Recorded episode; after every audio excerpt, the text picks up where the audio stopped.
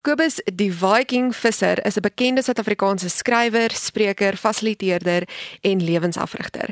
Hy kuier vandag in Marula Media se ateljee om oor geestesgesondheid, veral die van mans, te gesels.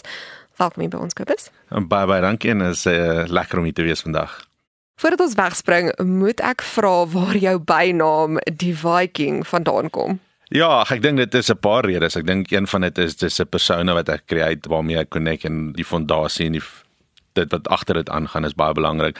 Maar om eers 'n bietjie terug te gaan, toe ek my reis begin het as 'n motiveringsspreker, was ek altyd myself gebrand as die Superman. En ek het groot geword as 'n kind waar nie baie dinge kon doen nie en Superman was soos my hero gewees. Maar soos wat ons ouer word, besef mense mense pas nie meer in jou spandex suit soos wat jy gedoen het nie. So ek is bietjie groter en verander en so ek het besef toe my 40ste verjaarsdag op pad is, daar moet verandering kom en wie sê ek waarvoor staan ek en so aan. En in hierdie reis van verandering kom ek op die metafore van die Vikings af en en veral in dit wat ek doen ook.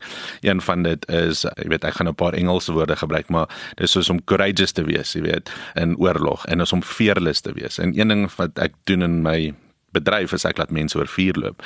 Jy moet fearless wees om dit te doen, jy weet. So en jy moet courage hê om dit te kan doen.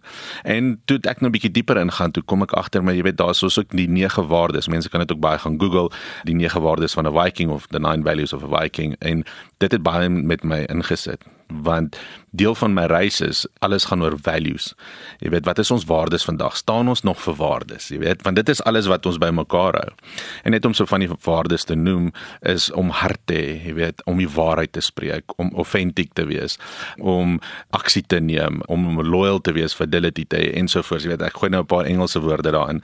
Maar jy weet, dit het alles bymekaar gekom en besef maar hoorie, dit is die fondament, dis die fondasie van alles. So en dit het my my gaan connect en uh, interessant in hierdie reis van transformasie. Eendag het 'n wilde duif op my kop kom sit. En dit was my baie snaaks. En vir 'n maand lank, so elke keer as ek buite kom, kom sit hy by my. Later hy later aan gemaklik raak en op my vingers begin sit en so aan en my soort van soen op 'n stadium kry ek toe access in die huis en ek weet nie hoe nie en hy kom sit elke dag by my by my lesenaar terwyl ek werk hierdie wille duif. En soos wat die transformasie kom en toe ek nou laas jaar 1 November my nuwe persona brand loslaat. Eh uh, toe sien duif ook nooit meer meer daar nie en nooit weer gekom nie. So dit was vir my amper 'n teken asof dit die regte pad was wat ek moes volg. Jy laat mense oor vuur loop. Vertel my 'n bietjie meer daaroor dit is 500 tot 600 grade Celsius net vir mense dat dit weet daar buite. Jy weet aluminium smelt op 250 tog op 150 sê die dokters moet jy 30 grade se brandwonde hê tog loop ons oor 500 tot 600 en as jy dit kan doen kan jy enigiets doen. Nou mense vra vir my altyd is daar snaakse goed by betrokke? Nee, dit is alles maar net ons woorde dra krag. Jy weet, ek het hierdie quote wat ek gelees het dat alles uh, begin by 'n belief wat ons glo.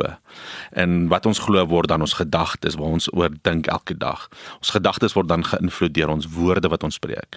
Daar's 'n boek wat sê die lewe en dood is in die mag van die tong en die wat dit gebruik sal die vrug dra daarvan. En dis wat die vuurloop ons leer. As jy daaroor loop en jy sê dis yskoud yskoud, yskoud. Wat hoor jy? Jy hoor yskoud. Wat gaan jy voel? Jy voel yskoud. En is om te wys op kragtig ons woorde in die, in die lewe is is een van die metafore deel van 'n vuurloop om te doen. Maar 'n vuurloop het my lewe verander en transformeer. Vir die luisteraars daar buite, ek is gebore as hemofilie en hemofilie is iemand wat soos 'n bloeier is. Ek het nie 'n stollingsfaktor in my liggaam nie. En as gevolg van al die bloedings oor die jare het my gewrig te begin ingee. Nou ek sal nou nie kan sien op buite nie, maar ek het nie my elmboog nie. Ek het nie my elmboog in die reg het nie en ek dink Mazaan kan sien in die ateljee. Ek het nie spiere nie. Jy weet in 'n oggend soos die wat dit so koud is, vat dit my bietjie ekstra langer om uit die bed uit te kom. Ek het nie enkels nie.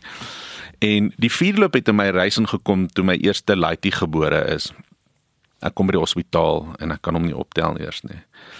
En uh, ja, dit het uh, ek kon hom nooit vashou nie as hy gehuil het, ek kon hom nooit uh, na hom kyk nie tot ons ons tweede kind verwag het.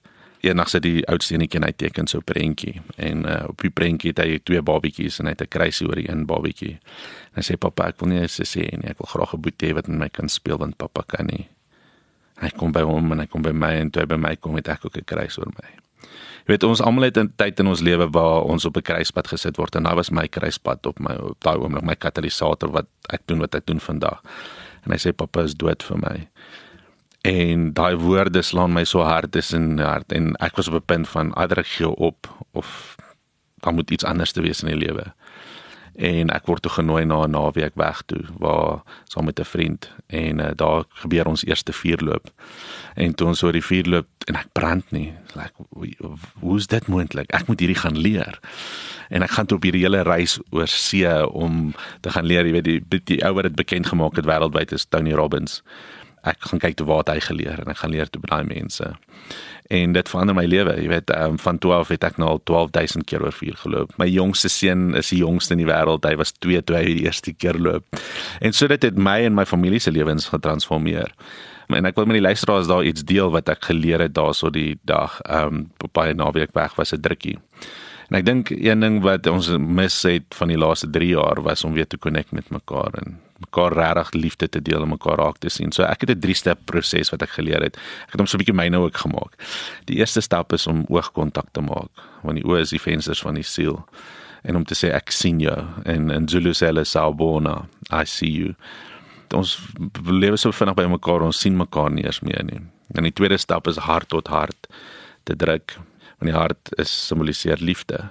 En dan wanneer jy mekaar 'n drukkie gee, net vir 'n oomblik saam in asemtaal en uithaal. Nou as jy dit doen vir 20 sekondes of langer dan sal dit die brein ook serotonin vry wat beteken dit laat jou goed voel. En uh, ek leer daai drukkie toe en ek kom terug en ek pas dit toe met my seun. En die dag toe ons Pretoria toe trek van Potgietersrus af. Toe uh, sê hy vir pappa ek net vir pappa sê pappa lewe. Dit het so groot impak elke keer as ons nou mekaar sien dan sê hy vir my pappa kyk hierso um, want hy bly nou saam met sy ma so ek sien hom nou net vakansies so dan sê hy pappa kyk hier so ek soek my drukkie. En ek het dit ook 'n deel van my reis gemaak in elke praatjie waar ek is en waar ek oral praat leer ek mense van 'n drukkie en kry mense om te druk. En ek sê altyd vir mense dit gaan nie oor jou nie. Dit gaan oor die ander persoon net wat dit dalk net nodig het op daai oomblik wat daai drukkie het. Dan sê vir my maar Kobus dit gaan snaaks as ek net begin asemhaal jy weet. Maar die ding is mense wil leer. So staan stil en sê wat kan ek vir jou iets leer Jy het genoem dat daar 3 goed is. So jy het net 2 genoem. Wat is die derde enetjie? Oogkontak, hart tot hart en saam in asem en uithaal ja. Jy het self al 'n pad met geestesgesondheid gestap. Vertel my bietjie meer daaroor asseblief. Dit kom eerstens van kleins af omdat ek gebore is in hemofilie, ehm uh, konstant in pyn gewees. Ek was baie keer in die hospitaal. Jy weet daai tyd was daar nie selfone en internet of genies. So as jy in 'n hospitaal lê as 'n kind, daar's net soveel wat jy kan doen deur die dag. So ehm um, ek was vir breinbloeding al in die hospitaal gewees wat ek in 'n koma beland het. Ek onthou die een aand lê ek in die hospitaal en uh mense gaan rondom my dood in die ICU en hy aanbid ek ook nou die Here wil jy my ook kom haal nie. Jy weet uh, ek wil ek ook opgee. Die tyd toe my seentjie my as dood ervaar jaar het waar ek opgehou het ek met 'n geweer in my hand gesit. Ek dink die grootste uitdaging was vir my toe ek besluit het om Kilimanjaro te gaan klim. Ek het uh, was net geskei gewees. Ehm um, dokters het gesê ek gaan dalk vir die res van my lewe in 'n ro rolstoel wees want hulle moet altyd my enkels vasmaak, hulle moet my elmboog vervang. En eider ek gaan dit doen of ek moes iets anders te doen en ek wou opgee. En uh, een van die redes hoekom ek Kilimanjaro wou gaan uitklim is om dood te gaan op die berg. En al wat my laat dink het is jare voor dit was daar 'n bekende resies drywer van Suid-Afrika wat op die berg dood is. Dink ek vir myself, ja, hy's fiks. Hy's gesond en hy kan dit nie maak nie.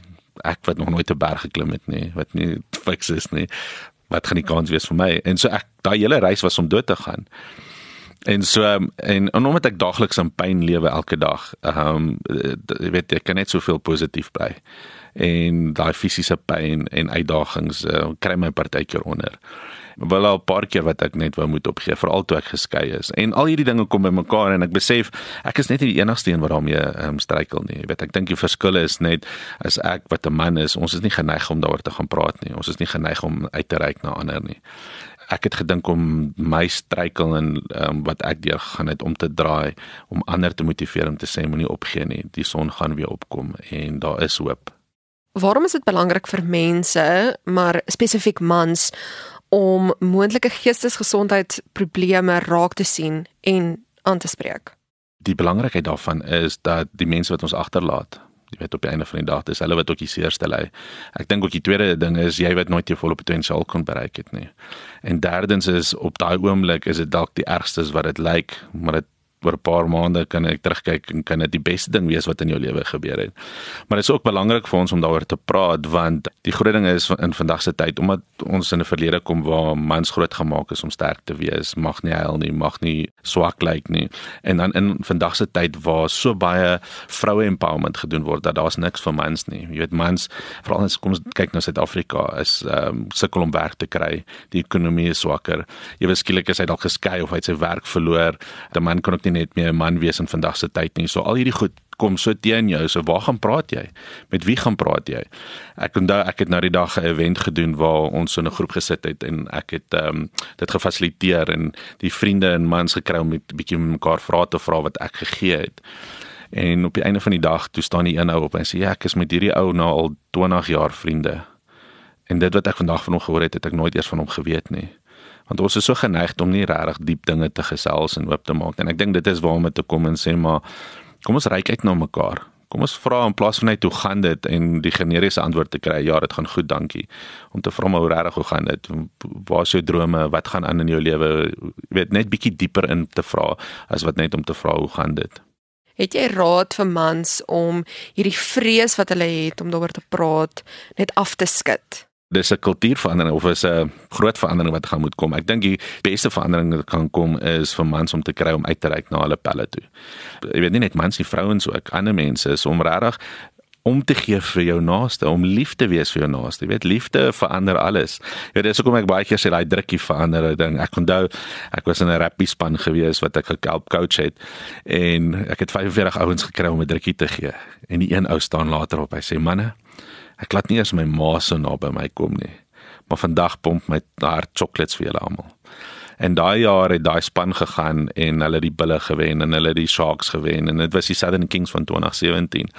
En in daai groep kon ek sien die verskil wat dit gemaak het wat net 'n drukkie kontak gemaak het vir iemand. En ek vat byvoorbeeld ehm um, ek en my verhouding met my pa was nooit die beste van die bestes gewees nie. En eers met COVID toe ons begin tyd saam spandeer het en ek vir hom ook 'n drukkie gegee het, is hy die eerste keer gesê hy is lief vir my en dit het vir my my lewe verander. En ek dink vir mans daar buite, is jy seën het of as jy 'n pa het, is ook om nie weg te skram van die woorde ek is lief vir jou nie.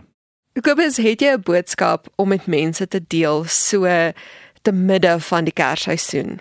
Die belangrikste op die einde van dag in Kersfeesseisoen is om ons te herinner hoekom ons hier so is en om terug te kyk op 'n jaar van wat ons gelewe het en wat die jaar se lesse vir ons gebring het. Maar dit gee ons nou tyd om saam met ons geliefdes te spandeer. Die lewe is te kort. Een van my motto's is uh lewe sonder live without regret. Uh, lewe sonder ek wonder wat is die Afrikaans woord nou daarvoor, maar is om te lewe sonder daai regret. Om te weet jy het vandag jou beste gegee en jy het tyd saam met die mense wat vir jou wat jy vir lief is te spandeer want môre is te laat. Ek onthou ek het 'n keuse gehad uh, op 'n tyd net voor my verjaarsdag om vir my ouma te gaan kuier. En ek is so bly ek het gaan kuier vir haar, want nie lank daarna nie is sy oorlede. Jy weet ons, ons weet nie of wat môre vir ons voorlê nie. En so gebruik hierdie Kersfeesseisoen om regtig tyd saam met mekaar te spandeer, saam te braai, saam te swem, saam dinge te doen en die ander ding is mekaar se drome te deel. Jy weet dis die einde van die jaar. Kom ons droom 'n bietjie wat wil ons volgende jaar bereik? So kom ons deel mekaar se drome en kom ons kyk of ons mekaar kan help om daai drome waar te maak.